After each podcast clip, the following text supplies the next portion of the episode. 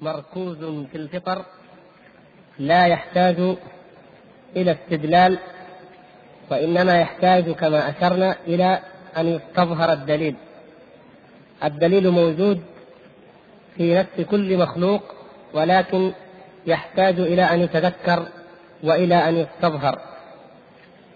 ولذلك ذكر الله تبارك وتعالى دلائل الربوبية العظمى في القرآن مربوطة بالنظر في ملكوت السماوات والأرض والتأمل في الأنفس والآفاق فالإنسان كلما تكرر عليه النظر في أمر ما واعتاده نسي ما فيه من الأعاجيب. حتى لا يعود يثير إحساسه وعجبه وفكره إلا أمر غريب خارق للمعتاد. هذا مع أن كل ما في هذا الكون هو عجيب في غاية العجب وهو لمن تأمله كاف في الدلالة على الإيمان بالله تبارك وتعالى وعلى أنه سبحانه وتعالى خالق كل شيء وعلى أنه لا موجود ولا مخلوق إلا والله تبارك وتعالى هو خالقه وهو موجده. ووقفنا عند مسألة الطبيعة. ومحال توهم عمل الطبائع فيها. تفضل يا محمد.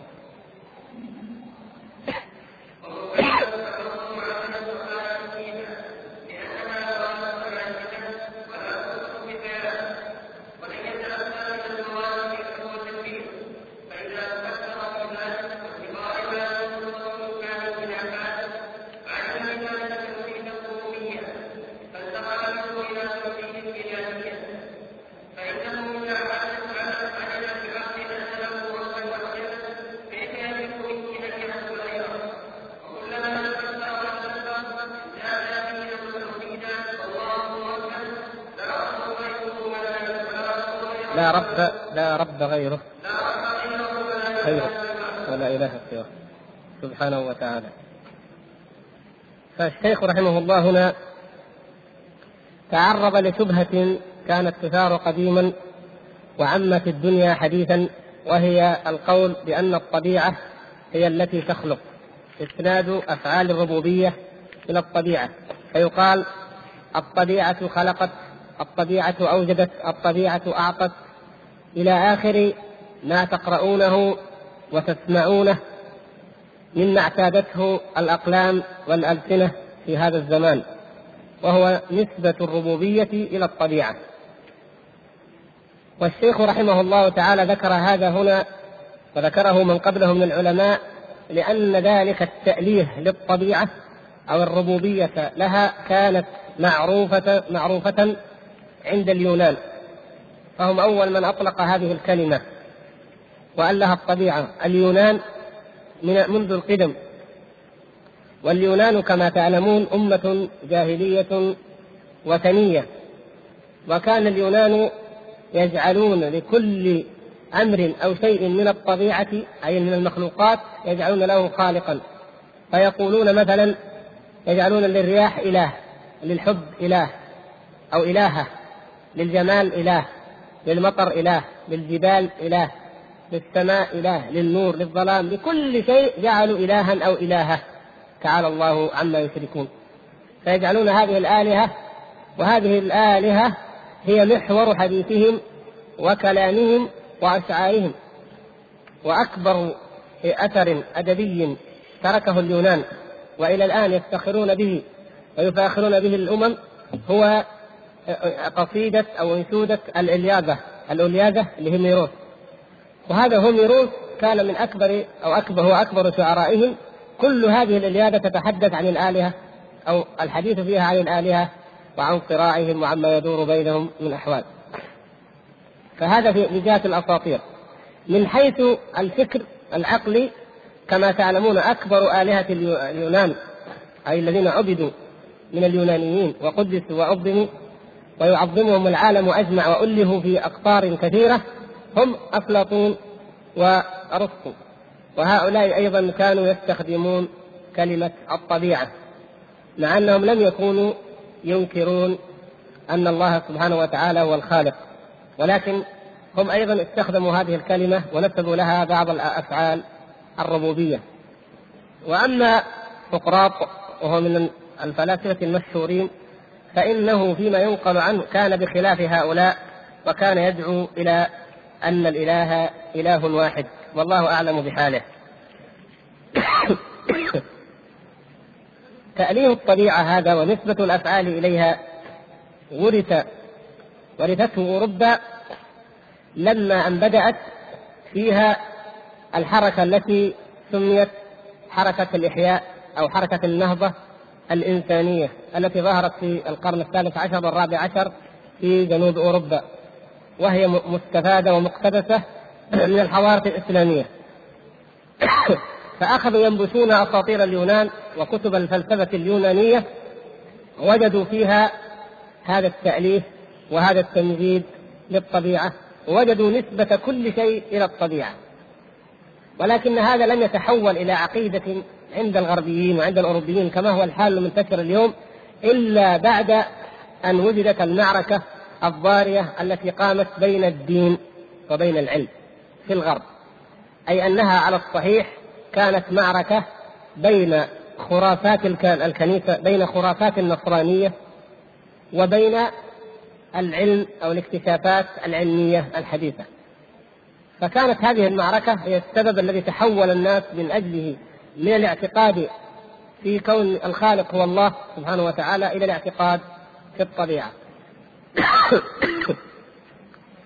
وسبب ذلك أيها الإخوة أن الإله الذي هو الرب الرب كما يسموه كما يسمونه النصارى الذي يسندون إليه الخلق والرزق والإحياء والإماتة ليس هو الله سبحانه وتعالى بالمعنى الصحيح والوصف الصحيح لله وإنما يسندون هذه إلى الرب الذي هو الثالوث المتكون من الأب والابن وروح القدس.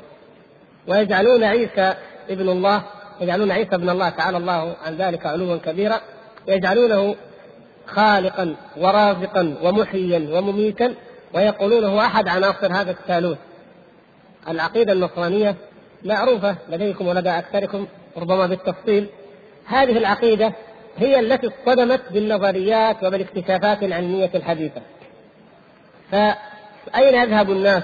ماذا يقولون؟ إما أن يثبتوا هذا الرب على على النحو الذي يعرفه الناس في أوروبا أو يفروا إلى غيره من الأسماء. هذا هو الذي حصل. أول نظرية ظهرت واصطدمت بهذا هي نظرية جاليليو ونظرية كوبرنيك. كما تعلمون حولت أنظار الناس إلى أن الأرض ليست هي مركز الكون.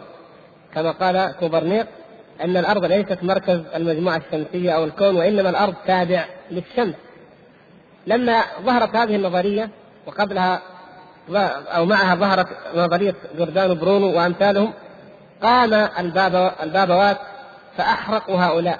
أحرقوهم أحرقوا برونو وأما كوبرنيك فلأنه هو كان لديه رتبة من رتب الكنيسة سلم من الأذى نوعا ما وجاليليو عذب وسجن فكانت هذه المعركة سببا في أن الذين يريدون أن يتخذوا طريق العلم والبحث والعقل والفكر يهربون من الكنيسة بكل ما تأتي به وبكل ما تقوله ويشردون ينفرون من الأناجيل ومن الكتب المقدسة جميعا.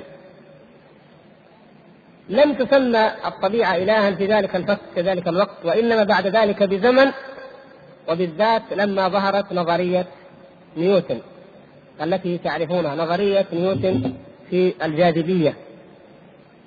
فأثبتت النظرية أو قالت النظرية أن هذا الكون متماسك بشكل ميكانيكي أي كل كل آه، مجموعة كل جرم من أجرامه متماسك مع الآخر حسب قانون الجاذبية. فهو بهذه الطريقة يتحرك ويدور تلقائيا وفق هذا القانون الذي اكتشفه نيوتن.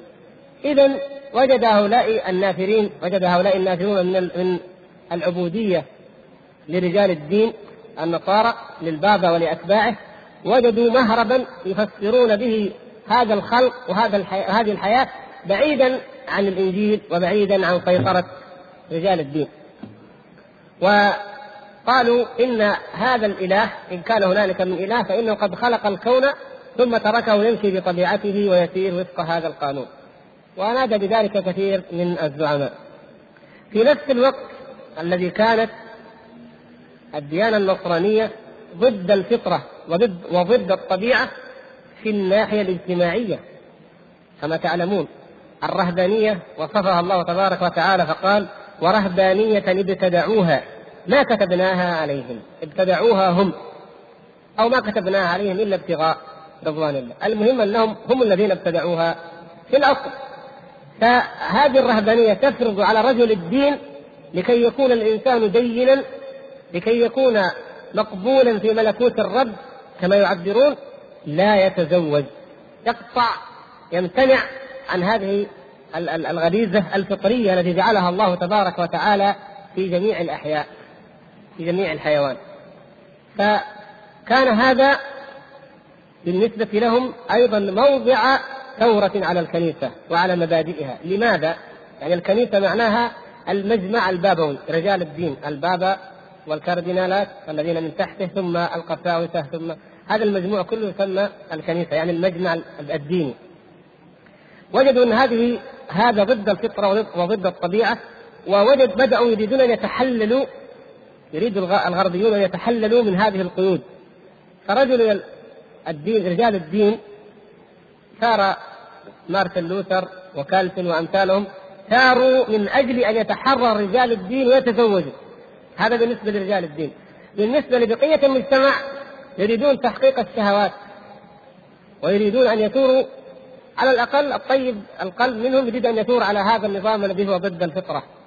لأنه يتزوج نعم هو ليس رجل دين يتزوج لكن شعوره أنني ما دمت أنني أتزوج فلا يمكن بطبيعة الحال لا يمكن للمتزوج أن يكون راهبا ولا أن يكون رجل دين. فإذا هو بنفسه عندما يلبي هذه الفطرة هذه الرغبة الفطرية حكم على نفسه بأنه خارج أهل الطهر وأهل النقاء الذين يترفعون عن الشهوات. فوجدت في نفسياتهم هذه الحاجة والإلحاح إلى أن يحطم هذا القيد. حتى لو تزوج مهما تزوج هو يستشعر أنه مقصر وأنه مذنب وأنه مجرم وأنه ليس بطاهر ولا نقي. هذا الشعور هو الذي بقي مثبوتا ثم تولدت عنه الثورة الجنسية التي شاعت وعمت في أوروبا إلى اليوم. لم تشبع ولا تريد أن تشبع من من الانهماك في هذه اللذة وفي هذه الشهوة. كيف قام علماء الاجتماع وقاوموا هذا هذه النظرية أو هذا الوضع؟ قالوا لو ترك الإنسان وطبيعته لو ترك الإنسان وطبيعته لتزوج. الحيوان يتزوج في الغابة. الإنسان الذي يعيش بطبيعته في الغابات يتزوج. إذا هذه القيود ضد الطبيعة. جعلوها ضد الطبيعة. جاءت نظرية نيوتن فقالت أن الطبيعة أيضا نظمت الكون تنظيما لا اصطدام فيه. فالأجرام لا يصطدم بعضها ببعض لأن الطبيعة نسقتها ورتبتها ونظمتها. قالوا أيضا لو تركت الحياة الإنسانية على الطبيعة لانتظم أمر الناس ولا فلحوا ولا سائدوا وإنما يأتي الخلل ويأتي الضرر ويأتي الشر من تدخل رجال الدين أو تدخل الملوك أو الأباطرة في أمور الناس فيفرضون عليهم أمورا غير طبيعية. ومن هنا دخل تأليه الطبيعة في جميع مناحي الحياة. علماء الاجتماع يقولون الإله هو الطبيعة. يقول الطبيعة هي التي تنظم حياة الناس في صورة تلقائية لا خصام فيها ولا عداء. علماء القانون وجد عندهم ما يسمى القانون الطبيعي. القانون الطبيعي نفس الشيء. هو يقولون أنه مبادئ عامة أو ما يسمى أحيانا العدالة المطلقة. مبادئ مركوزة في الطباع مبثوثة في الكون طبيعة الأشياء. تسمعون أحيانا لما يقول أن هذا القرار الذي اتخذ يتنافى مع الحق ويتنافى مع طبيعة الأشياء. هذا هو مقصودهم بذلك. أو يتنافى مع مع العدالة ومع القانون الطبيعي. يعني يقول أن الطبيعة أودعت قوانين أبدية سرمديه هي الحق وهي العدل. والإنسان إذا خالف هذه القوانين يكون مخطئا ويكون متجاوزا للحد اذا وضعوا أيضا شريعه قانون يسمى القانون الطبيعي أو الشريعة الطبيعية. علماء الاقتصاد جاءوا فقالوا إن تحريم الربا أو تحريم بعض الأنواع من البيوع أو تحريم حركة الإنسان لأن في أوروبا كان النظام السائد هو النظام الإقطاعي. بما الإقطاعية معناها قرية أو عدة قرى يملكها رجل واحد يتحكم فيها في جميع الفلاحين الذين فيها هم أرقاء ملك له. فلا يخرجون إلى أي إقطاعية أخرى ولا يعملون عند أي إقطاع آخر. فهو متحكم في الأرض ومن عليها. قالوا هذا ضد الطبيعة. الطبيعة أن الإنسان يمشي كما يشاء ويعمل كما يشاء. قالوا هذا هو الطبيعة. ولهذا أطلقت جميع القيود باسم القانون أيضا الطبيعي وباسم العدالة الطبيعية. ففي علم الاقتصاد أيضا ألهت الطبيعة بناء على هذا الشيء فخرج الناس وقامت الثورات وابتدأت ما يسمى حرية الإنسان بأن يكسب المال من أي وجه شاء وينفقه في أي وجه شاء لماذا؟ لأن هذه الحرية هي مقتضى الطبيعة وهذا هو الذي تدعو إليه طبائع الأشياء أو تؤيده القوانين الطبيعية المودعة في الأشياء ونتيجة لذلك نجد أن الطبيعة قد ألهت في معظم مجالات الحياة. في كل المجالات نجد أنها أصبحت تستخدم إله فعلا فهي تشرع وهي تقنن وهي تخلق وهي ترزق. في الجانب العلمي الخاص كان العجب أكثر لأن الذين يشتغلون بالجوانب العلمية بدراسة الطبيعة التي هي الطبيعة فعلا المخلوقات الله سبحانه وتعالى لما أخذوا يدرسونها بدأوا يقولون الطبيعة. ثم بعدين وجدوا أن الكلام كيف نقول الطبيعة؟ تخلق الطبيعة. كلمة الرد تخلوا عنها تماما وأصبحوا يكتبون كلمة الطبيعة يكتبونها كأنها علم. لا يستخدمون كلمة الطبيعة على أنها مجرد مخلوق يكتبونها على أنها علم. ولذلك يكتبونها في بالحرف يبتدئون الاسم بالحرف الكبير. عادة كعادة الأعلام في اللغة الإنجليزية وغيرها من اللغات. فالطبيعة أصبحت عندهم بهذه المثابة الطبيعة تخلق الطبيعة. طبيعة ثاروا ثاروا على على ما يسمى الرب أو الإله عند النصرانية وأسندوا هذه الأفعال إلى الطبيعة. لكن كلما تطور العلم وعلموا نظروا في التفاصيل نظروا في دقائق الكون وجدوا أن هذا لا يمكن ولا يؤدي إلى تفسير صحيح. فقالوا اذا لمن ننسب الخلق ولمن ننسب الحياة؟ قالوا إلى المصادفة فنقول المصادفة هي التي أوجدت واستخدموا كلمة المصادفة وجدوا بعد ذلك أن القوانين الرياضية والقوانين العلمية نفسها تنفي نفيا قاطعا أن يكون للمصادفة أي شيء أو أي دور في إيجاد هذا الخلق. كيف يمكن؟ المصادفه تخلق هذه هذا الكون المنظم الدقيق البديع. كل ذلك صدفه مصادفه هذا شيء لا يقبله أي عقل. لا يمكن على الإطلاق. وكتبوا بذلك علماءهم هم في أوروبا كتبوا كتبا ضد المصادفه وكتب كثيرة جدا وقالوا لا يمكن ابدا. ليس لأنهم متدينون ابدا ولكن لأنهم بالنظريات العقلية والبراهين الرياضية أن المصادفة لا يمكن أن تفعل أي شيء على الإطلاق. فاذا يعني مثلا لو مثال بسيط جدا الذي يذكرونه الأرقام من واحد إلى عشرة الأرقام من واحد إلى عشرة لو خلطتها في مكان ما احتمال أنك تستخرج تضع يدك فتستخرج رقم واحد نسبته كم؟ واحد إلى عشرة يعني عشر مرات حتى تظن أنك أخذت رقم واحد ووضعته. كم احتمال أنك تأخذ رقم واحد ثم تمد يدك مرة ثانية وتستخرج رقم اثنين بحيث أنها تكون وراء بعض تضع واحد ثم تضع رقم اثنين؟ كم كم مرة؟ مية. مية يعني عشرة؟ في عشرة. طيب لو نبغى نرتب واحد واثنين وثلاثة نرتبها وراء بعض كم نحتاج؟ يعني تتضاعف. اضرب الرقم في نفسه. يعني عشرة بعدين مية بعدين عشرة آلاف بعدين كم؟ ما إلى العشرة إلا وأصبحنا نكتب أصفار لا نستطيع أن نقرأها. إذا هذا من أجل ترتيب فقط عشرة أعداد عشرة أرقام بين يديه. كيف ترتيب هذا الكون كله؟ هذا شيء لا يمكن على الإطلاق أن يترتب بطريق المصادفة ولهذا ظهر بعضهم واشتهر عالم إنجليزي كبير في الطبيعة اسمه وايت هيد فقال نضع اصطلاح يتناسب أو هو الاصطلاح الصحيح وهو ان أن نقول ضد المصادفة. المصادفة بطلت. يقول ضد المصادفة خلق الإنسان وضد المصادفة خلق الطبيعة وضد المصادفة خلق... فإيش هو ضد المصادفة؟ ما في هم يتهربون لو قالوا الطبيعة ما في كلام لا لا كلمة ليس تحتها حقيقة. وإن قالوا المصادفة قد أنكروها. إن قالوا الرد لا هذا الرد من زمان تركناه من أربعة قرون وخمسة قرون وانتهينا مع الكنيسة وما ما نحتاج. إذا ما الذي ما, نقول؟ قال ضد المصادفة.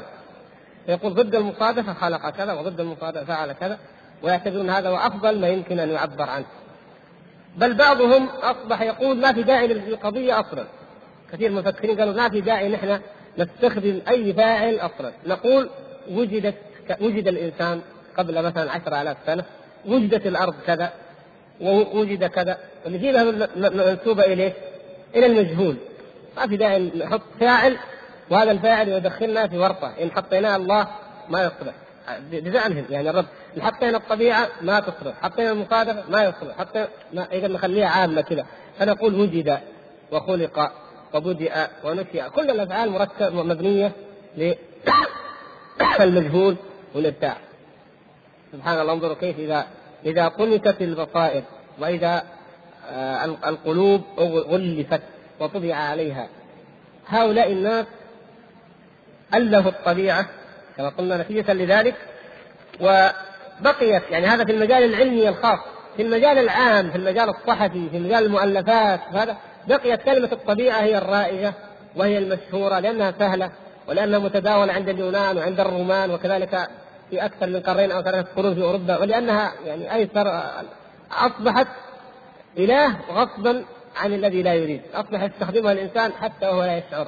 فيقول أوجدت الطبيعة وخلقت الطبيعة وفعلت الطبيعة وهكذا. هذه مصادمة واضحة للفطرة. لما رائد الفضاء هذا السوفيتي جاجارين أول رائد فضاء في العالم أول إنسان يخرج إلى الفضاء الخارجي خارج الغلاف الجوي ويرى الأرض ذهل ودهش ونسي الرقابة الأرضية عليه. الفطرة إذا استيقظت نسي الرقابة الأرضية لأنه ابتعد عن الأرض فنسي الرقابة ونسي أن كلامه محسوب عليه. فكان يقول وهو في الفضاء ويتكلم ويقول لما أنا أرى هذا الكون أقول لا بد أن لهذا الكون من إله. لا بد أن له إله. ولما نزل الأرض أرغمته وكالة الأنباء السوفيتية أن يضع كلمة لما صعدت إلى السماء تبين لي أنه ليس بهذا الكون إله. لابد أن يضع كلمة النفي في العبارة قبل أن تنشر على العالم وتذاع. لأنه أول من سقطت كان يقول لا بد له من إله. الفطرة لما تستيقظ لأن الله سبحانه وتعالى يقول سنريهم آياتنا في الآفاق وفي أنفسهم حتى يتبين لهم أنه الحق. والا فما هي هذه الطبيعه التي عبدت قديما وحديثا؟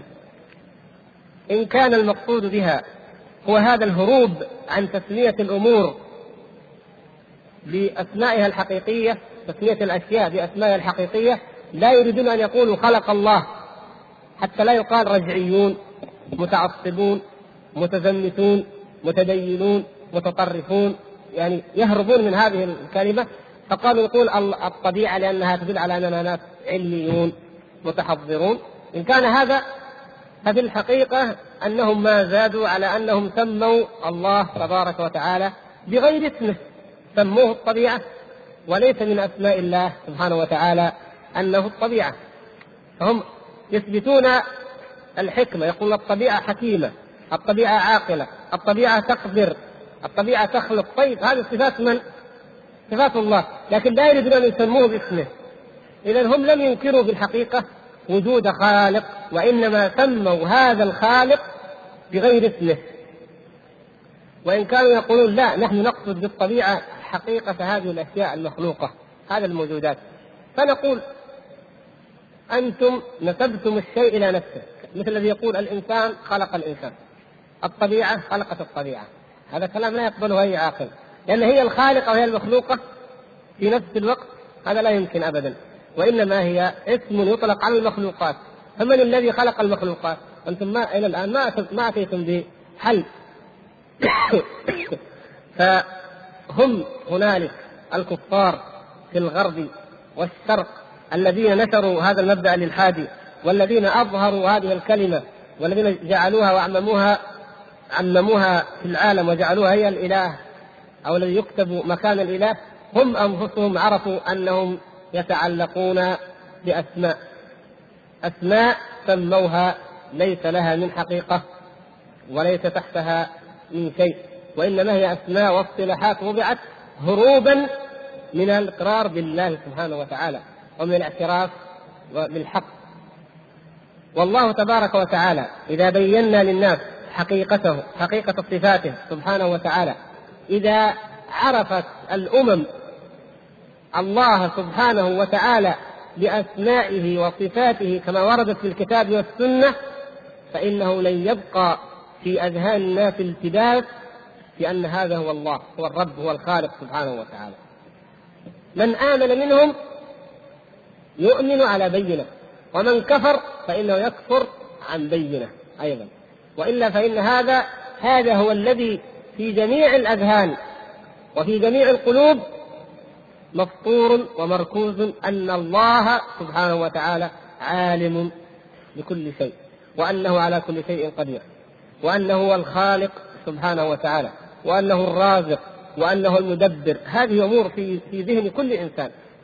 ولكن هذه المعارك التاريخية التي تدور وهذه الأحقاد وهذه المخاصمات وهذه المجادلات التي تقع بين الناس وحب الشهوات والاستكبار وحب الاستعباد كل ذلك أسباب تطرأ على الإنسان فينكر ربه سبحانه وتعالى ويزعم ويؤله غير الله كما ألهت الطبيعة من قبل. فالشيخ رحمه الله يقول ومحال توهم عمل الطبائع فيها أي في هذه النطفة في نطفة الإنسان كما ذكرنا في الدرس الماضي أن هذه النطفة التي كان العلماء والحكماء والأطباء يتعجبون كيف خلق الإنسان منها وهي عجيبة حقا. أصبح العلم اليوم أكثر أكثر عجبا أو أكثر إثارة للعجب أن هذه النطفة هي عدة ملايين من الحيوان والذي يخلق هو جزء من كذا مليون منها. فسبحان الله العظيم. يقول لأنها موات عاجزة لا ولا توصف بحياة ولن يأتي من الموات فعل ولا وتدبير. كيف يأتي من الميت الذي يسمونه طبيعة وهي الجبال والأشجار وما إلى ذلك؟ كيف يأتي منها إيجاد الحياة؟ كيف يتأتى منها الفعل أو التدبير؟ فإذا تفكر في ذلك أي إذا تفكر الإنسان في ذلك وانتقال هذه النطفة من حال إلى حال علم بذلك توحيد الربوبية. علم بذلك؟ أي نوع من أنواع التوحيد؟ توحيد الربوبية. طيب هل يكفي أن يعلم الإنسان وأن يعرف توحيد الربوبية؟ اليوم الناس يطلقون على بعض العلماء في الغرب يقولون هذا من العلماء المؤمنين وهذا من الملحدين. كيف يعني؟ هذا الملحدين ينكرون وجود الله. وأما هؤلاء الذين يسمونهم مؤمنين فهم الذين يؤمنون بوجود الله. هل الذي يؤمن بوجود الله وهو عالم طبيعة؟ أو في كيمياء أو رياضيات أو أي علم في أوروبا وأمريكا. ويؤمن بأن الله موجود وأن الذي خلق هذا الكون هو الله والذي يدبره هو الله. هل هذا في الشرع والدين يعتبر مؤمنا؟ هذا ليس بمؤمن. لماذا؟ هذا هو ما الفرق بينه وبين كفار قريش؟ ما في فرق. هكذا كانوا. ولئن سألتهم من خلق السماوات والأرض ليقولن الله. هم مؤمنين بأن الله هو الخالق وهم يدعون الله. بل كانوا يصرفون عن أنواع من العبادات لله لكن يشركون معه فيها غيره.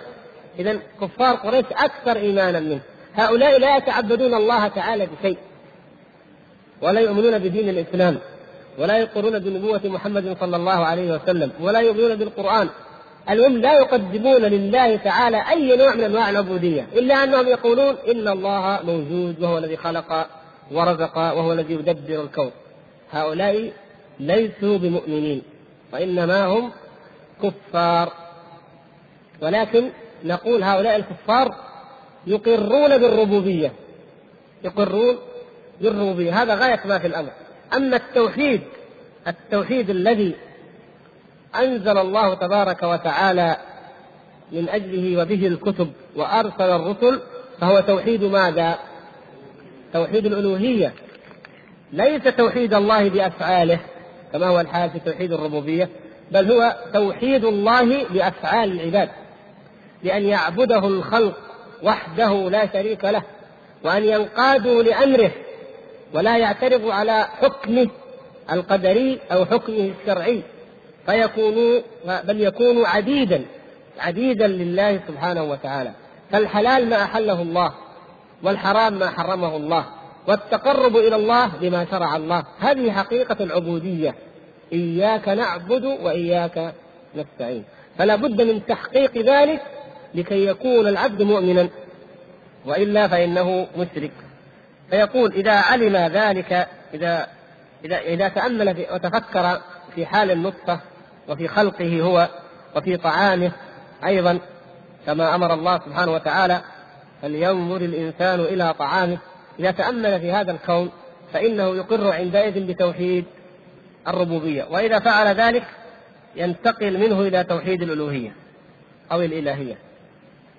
فإنه إذا علم بالعقل أن له ربا أوجده كيف يليق به أن يعبد غيره؟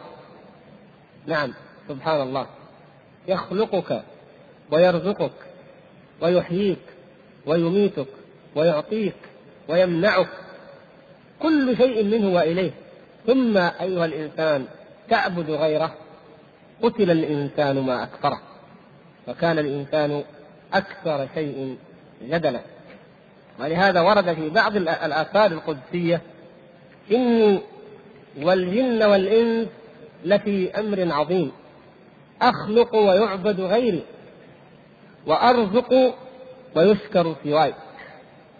خيري إليهم نازل وشرهم إلي صاعد. أتقرب إليهم أو أتحبب إليهم بالنعم ويتبغضون إلي بالمعاصي. وهذا معناه حق معناه كله حق. أخلق ويعبد غيري. هذا من العجب. يعبدون من دون الله ما لا يضرهم ولا ينفعهم. يعبدون الحجارة يعبدون الأبقار. قرابة 800 مليون في الهند يعبدون الأبقار. في الصين أكثر من ألف مليون يعبدون تماثيل بوذا سبحان الله. في الدول الأخرى تعبد يعبد الصليب يعبد عيسى تعبد مريم. سبحان الله. كيف كيف يعبدون غير الله؟ أخلق ويعبد غيري وعبدوا النار وعبدوا الكواكب وعبدوا الحجارة. ما تركوا سبحان الله. حتى يقال ان يوجد في بعض الدول وفي الهند أنه حتى النمل يوجد من يعبد النمل في الهند. الذر الذر النمل الصغير يوجد من يسجد له. الإنسان إذا لم يعبد الله فإنه يتيه ويضل يوقد النار ويعبدها. يصنع العجوة من التمر كما كان العرب في الجاهلية ويعبدونها. يضع الحجر فيعبده. فإذا أراد أن يطبخ جاء باثنين وجعل هذا الحجر هو الثالث وطبخ فوقه الأساسي. هذا رب هذا إله. أين عقلك أيها الإنسان؟ تتأمل وبل المشكلة أنهم يقولون أو العجب أنهم يقولون إن الله هو الخالق. فإذا يخلق وتعبدون غيره هذا من العجب العباد ويرزق وتشكرون سواه. انظروا إلى إلى حال الناس اليوم. إن حصل الإنسان على رزق كم من الناس يقول الفضل لله وحده والشكر لله وحده؟ من الذي يشكر؟ إنما اوتيته على علم عندي. هذا لي وما أظن الساعة قائمة. فلان توسط لي فتوظفت فلان مس الموضوع فربحت فلان فلان ايا كان هذا المخلوق تنسب. هذه هذا الخلق هذا الرزق هذه الأرزاق العظيمة هذه النعم الجليلة تنسب إلى المخلوقين. شفيت يا فلان؟ قال الحمد لله. في طبيب في مستشفى كذا كذا كذا عالجني وتعافيت. سبحان الله نحن لا ننكر الأسباب. ولكن أين شكر الله سبحانه وتعالى؟ العجب أننا ننسب كل شيء إلى الأسباب التي كما قال النبي صلى الله عليه وسلم واعلم أن الأمة لو اجتمعت على أن يضروك لن يضروك إلا بشيء قد كتبه الله. ولو اجتمعوا على أن ينفعوك لن ينفعوك إلا بشيء قد كتبه الله. الله تعالى الذي كتب الخير وكتب الشر. فهذه الأرزاق من الله سبحانه وتعالى. البشر هؤلاء يسخرهم الله سبحانه وتعالى. فنعم تشكر الناس نعم يثنى عليهم. ويشكرون ويكافئون ولو بالدعاء. وهذا من حسن أخلاق المسلم أنه يكافئ ويحسن من أحسن إلى من أحسن إليه. ولو بالدعاء إذا إذا عجز. لكن أن ينسب كل شيء إلى الأسباب وكل خير وكل نعمة وكل فضل وينسى الله تبارك وتعالى حتى يصبح من النادر كما نلاحظ اليوم من النادر ان الذي يقول هذا من فضل الله وهذا كل نقول هذا ما شاء الله هذا مؤمن. لو وجدت تاجرا يقول هذا المال كله من فضل الله وهذا من ببركة الرزق رزقني الله سبحانه وتعالى إياه وهذه نعمة من الله. ونسب قلنا هذا ما شاء الله هذا رجل مؤمن يعني شاب غريب قليل من يقول مثل هذا الكلام. وكذلك الأولاد وكذلك الزوجة وكذلك الوظائف وكذلك العافية كل شيء. أصبحت الأمور تنسب إلى الأسباب. لماذا كثر كثرت الأرزاق في البلد الفلاني. يا أخي عندهم بترول. وهذول مثلا قال ما عندهم شيء. أو الجفاف. نفس الشيء. طيب الجفاف من الذي جعله؟ من الذي جعل السماء لا تمطر؟ ومن الذي جعل الأرض تخرج هذا الذهب الأسود؟ من الذي جعل؟ كله من الله. فلماذا ننسى الله سبحانه وتعالى؟ لماذا الغفلة عن الله سبحانه وتعالى؟ ولو عرف أنه سبحانه وتعالى هو وحده الخالق والرازق لعبد كما أشار الشيخ هنا رحمه الله. من يعلم أن هذه النعم من الله وإن تعدوا نعمة الله لا تحصوها. إن الإنسان لظلوم كفار. ظلوم كفار. هذا هو الوصف الذي وصفه رب العالمين هذا الإنسان. وما بكم من نعمة فمن الله. الله تبارك وتعالى هو الذي يخلق ولكن يعبد سواه. ويرزق ولكن يعبد غيره. خيره نازل إلى العباد. انظروا كم ينزل الله تبارك وتعالى كل يوم من الخيرات على هؤلاء الناس على هؤلاء العباد. كم من فقير أغناه الله سبحانه وتعالى. كم من مريض عافاه الله سبحانه وتعالى. كم من مكروب فرج الله تعالى كربه. كم من مهموم أزال الله همه كم وكم سبحانه وتعالى وهو يتحنن على هؤلاء العباد ويرحمهم ويمتن عليهم كل يوم بل كل حين بل كل لحظة ونعم الله سبحانه وتعالى نازلة إلى هؤلاء العباد. ولكن ما الذي يصعد إلى الله سبحانه وتعالى؟ الملائكة الذين يتعاقبون فينا ملائكة بالليل وملائكة بالنهار ما الذي يصعدون به؟ دعونا من عالم الكفر. فماذا تتوقعون أن تصعد الملائكة به من عالم الكفر؟ انظروا إلى عالم المسلمين ودعونا من عالم المسلمين عامة. انظروا إلى حياة حالتنا نحن نحن طلبة العلم الذين نعيش ولله الحمد في الغالب مع كتاب الله وسنة رسول الله صلى الله عليه وسلم ومع أهل الذكر ومع أهل الخير. بما ترتفع الملائكة به إلى ربنا عز وجل. ما الذي ترتفع به الملائكة إلى الله؟ ما الذي في صحفنا؟ صلوات نغفل عنها. ونحن في في أثنائها قد لا ندري كم صلينا. وربما جاءت من ها هنا كلمة ومن ها هنا نظرة ومن ها هنا شبهة أو شك أو ريب ومن ها هنا فدمرت وأهلكت ما يظن الإنسان أنه جمعه من حسنات نتيجة هذه الصلوات. فمن الذي يسلم إلا من عصمه الله سبحانه وتعالى وسلمه الله. إذا نحن لا نستغني عن الله سبحانه وتعالى. إذا خير الله إلينا نازل كل حين يمدنا تبارك وتعالى بالنعم وبالعافية وبهذه الحواس التي أعطانا الله تبارك وتعالى من سمع من بصر من فكر من أجساد من قلوب من أموال. كل ذلك من نعم الله وسخر لنا هذه الدنيا هذا الكون. سخر لنا هذه الكواكب. الشمس والقمر وهما كما تعلمون وما تعلمون من العظم في الخلقة هما جعلهما الله تبارك وتعالى دائبين لأجل هذا الإنسان. ليعرف الإنسان المواقيت وليعرف الزمان وليكون لديه نصف العمر ضياء فيكدح ويعمل. وينصب والنصف الآخر هدوءا وراحة في الليل يسكن ويستقر ويهدأ. كل شيء أينما تأمل. هذا الماء العجيب الذي لا يمكن للحياة أن تكون من غيره هذا الماء. كيف أنزله الله تبارك وتعالى؟ وكيف جعل نوعين؟ عذب فرات وملح أجاج وهذا فيه من العجائب وهذا فيه من العجائب. وهذا فيه من الفوائد وهذا فيه من الفوائد. كل هذا من من من عظيم نعم الله سبحانه وتعالى. فخير الله إلينا نازل ولكن شرورنا وذنوبنا وسيئات أعمالنا إليه صاعدة. تصعد بها الملائكة كل يوم. وهو تبارك وتعالى يتحبب إلينا بالنعم. ولكننا نتبغض إليه بالمعاصي نعوذ بالله. العبد إذا عصى الله تبارك وتعالى فقد باعد ما بينه وبين ربه سبحانه وتعالى. الصلة تضعف حتى أنها تنقطع فيما لو ترك الصلاة فيما لو أصر على كبيرة وأدمن عليها واستحلها تنقطع هذه الصلة عياذا بالله مع الله سبحانه وتعالى. ومع ذلك يتحبب إليه الله تبارك وتعالى بالنعم يستر عليه. حتى إذا فعل هذه المصيبة يسترها عليه الله سبحانه وتعالى. يفعل الذنب وراء الذنب المرة وراء المرة ويسترها الله عليه ويذكره. ما في مذنب يفعل ذنب إلا يقول الآن سلمت طيب ليش ما أتوب؟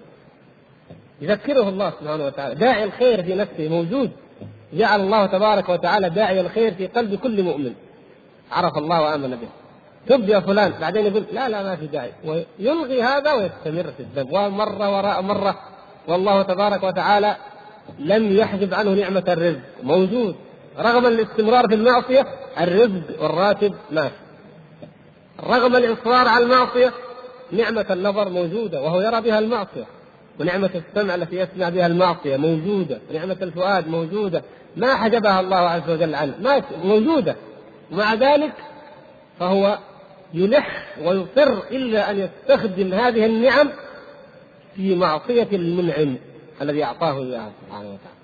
إذا عرفنا أن الإنسان ظلوم كفار وهذا حاله وهذا شأنه. ولكن في الحقيقة هل في العبد في الحقيقة يظلم ربه؟ وما ظلمونا ولكن أخي على طريق الحق هنا منتصف الشريف. هذا التمادي إنما هو عليك أيها العبد الفقير المسكين المحتاج إلى الله تبارك وتعالى. إذا جاء يوم القيامة يعجب كثير من الناس وبدا لهم من الله ما لم يكونوا يحتسبون. بعض الناس إن كان كافرا فماذا تتوقعون أن يرى؟ وإن كان مؤمنا مسلما ولكن لم يكن من أهل الهداية والاستقامة ماذا تتوقعون أن يرى يوم القيامة؟ كان بعض السلف إذا قرأ هذه الآية يبكي وبدا لهم من الله ما لم يكونوا يحتسبون. لأن الإنسان لا يدري ما حاله عند الله. كيف إذا جيء للثلاثة الذين أول من تسعر بهم بهم النار نسأل الله العفو والعافية يؤتى بالقارئ أو العالم ماذا فعلت؟ فيقول قد قرأت القرآن وتعلمت العلم وتفقهت في الدين لماذا؟ يقول من أجلك يا رب من أجلك أيقال له كذبت إنما تعلمت ليقال قارئ أو عالم وقد قيل اذهبوا به إلى النار. نسأل الله العفو والعافية. يرى وهو قد كان يظن أنه على شيء أنه على خير أنه على حسنات وإذا بتلك الجبال أو الأكوان من الحسنات تذهب تمضي. وكذلك المنفق أو الجواد الكريم المرائي عافانا الله وإياكم. وكذلك المجاهد المرائي. وكذلك الذي يظلم عباد الله تبارك وتعالى. الذي يظلم المسلمين الذي يغشهم يفتري عليهم يغتابهم يضربهم يؤذيهم. ما شأنه. يأتون بحسنات كالجبال ولكن يأتي وقد ضرب هذا وظلم هذا وسفك دم هذا وغصب مال هذا. فماذا تكون النتيجة؟ إذا طالبوا بحقوقهم يؤخذ من حسناته فتعطى لهم. ما في الآخرة ما دراهم لا درهم ولا دينار إنما هي الحسنات. فيؤخذ من حسناته فيعطى لأولئك الغرماء. ما كفت إذا لم تكفي يؤخذ من سيئاتهم فتطرح عليه فيطرح في النار. نسأل الله العفو والعافية. إذا هذا يوجب من العبد كمال التيقظ ودوام التذكر والتدبر العبد إذا علم بالعقل أن له ربا أوجده كيف يليق به أن يعبد غيره؟ وكلما تفكر وتدبر ازداد يقينا وتوحيدا. والله الموفق لا رب غيره ولا إله سواه. كلما تدبر العبد وكلما تفكر ازداد يقينا وازداد توحيدا. نعم ولهذا أمرنا في آي كثيرة بأن بأن نتفكر وأن نتدبر في أنفسنا وفي الآفاق في الأحياء وفي الأموات في الماء في الجبال في الشمس في القمر في النجوم في السماء في ال ال هذه الحدائق الأزهار الورود في الأشجار كل ما نراه أمامنا فهو موضع عبرة وموضع تفكر. لو تفكر الإنسان لازداد يقينا وازداد توحيدا وطاعة لله سبحانه وتعالى. وكان السلف الصالح رضوان الله تعالى عليهم يتفكرون في هذا ويتفكرون معه في أحوال الأمم. وفي مصائر الغابرين والهالكين من الموتى.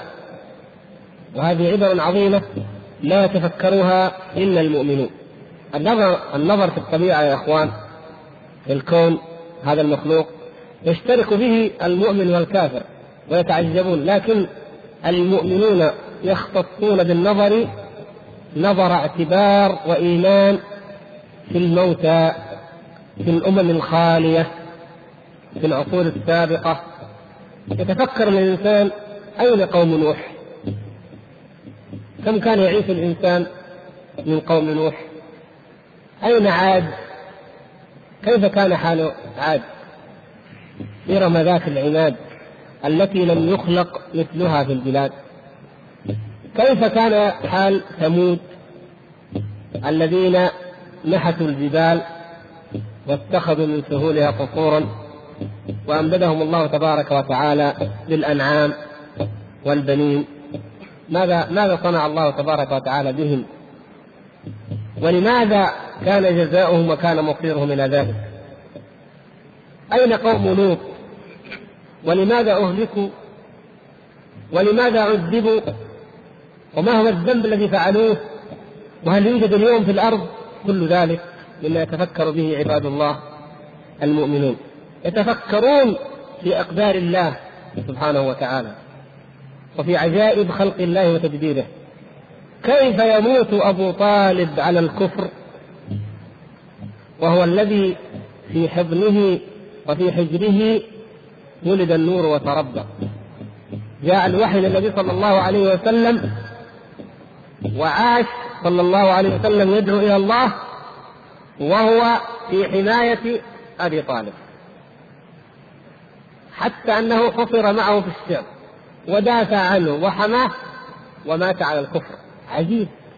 ولكن سلمان الفارسي في أقصى البلاد في أقصى الأرض يترك النار يتحول من راهب إلى راهب في العراق في الشام إلى أن يباع إلى أن يؤتى به إلى المدينة ويعمل عند اليهودي. كل ذلك ليبحث عن الدين وعن الحق ثم يؤمن. انظروا كيف. هذا يهديه الله تبارك وتعالى للإيمان وينفر بفطرته من الكفر. وهذا الذي يرى الآيات البينات الساطعات أمام عينيه. ما آمن كل هذا من العجب.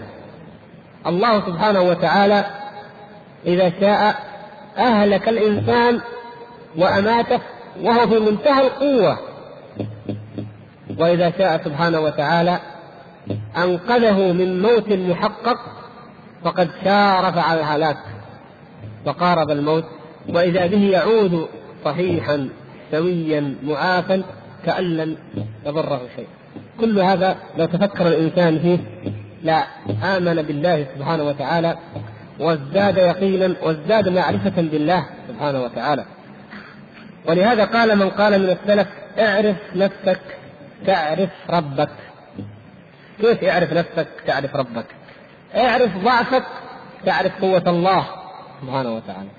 واعرف جهلك تعرف علم الله سبحانه وتعالى. واعرف ذنوبك تعرف رحمة الله سبحانه وتعالى بك. ولطفه أنه لم يهلكك بهذه الذنوب ولم يؤاخذك بها بل تركك. اعرف تقصيرك في حق الله واعرف كرم الله ومنه عليك بالنعم وبالخيرات التي تتتابع وتتوالى وأنت في غفلة عنها ولا تدري وقد لا تحسب لها أي حساب. ولو فقدت واحدة منها لتغيرت حياتك جميعا. اذا لو أن الإنسان عرف نفسه على الحقيقة فماذا يرى في نفسه إلا الضعف والجهل والعجز والافتقار؟ ويعرف أن ربه سبحانه وتعالى هو الموصوف بكمال الغنى وكمال العلم وكمال الحكمة وأنه تبارك وتعالى لا مانع لما أعطى ولا معطي لما منع. فالتفكر في هذه الأمور أيها الإخوة المؤمنون مما يجب علينا جميعا لنزداد ايمانا بالله تبارك وتعالى ونزداد عبودية لله.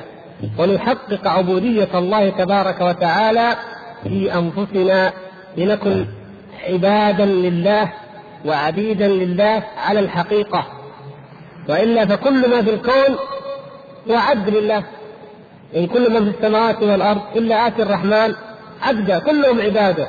لكن فرق بين العبد العابد المتعبد بالاختيار وبين العبد الذي يتكبر على الله وهو عبد يسخره ربه ويسيره كما يشاء.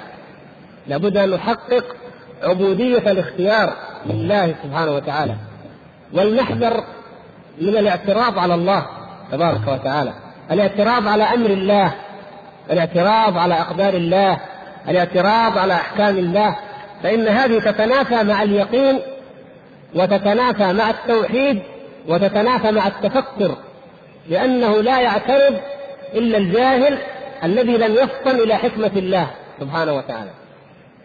ابدا. من إذا قيل له هذا حرام اعترض هذا جاهل بحكمة الله في التشريع ومن إذا قيل له هذا قدر الله فاعترض وأبى هذا جاهل بحكمة الله سبحانه وتعالى في المقادير. فيجب أن يكون المؤمن دائما منقادا مذعنا مستسلما لربه تبارك وتعالى.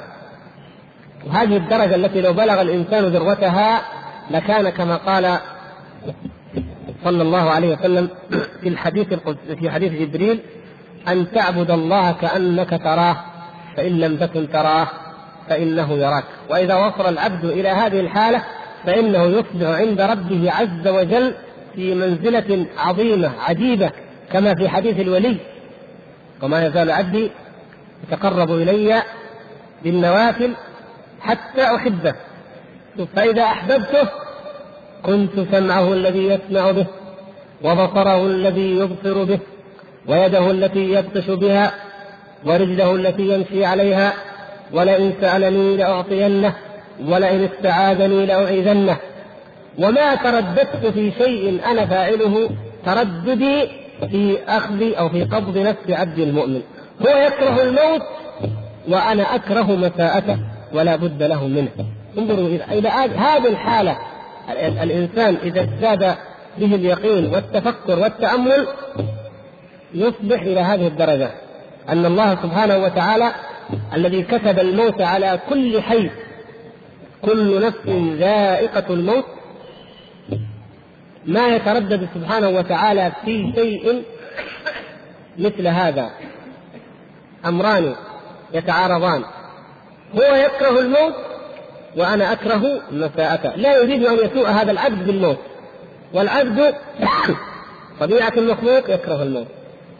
فهذا الذي هو ملك لله هذا الذي لو شاء سبحانه وتعالى لأمات الناس جميعا وهو غني عنهم في لحظة ومع ذلك تبلغ قيمة هذا العبد عند الله أن يصير عنده بهذه المنزلة وبهذه الدرجة لما أن تقرب إلى الله سبحانه وتعالى.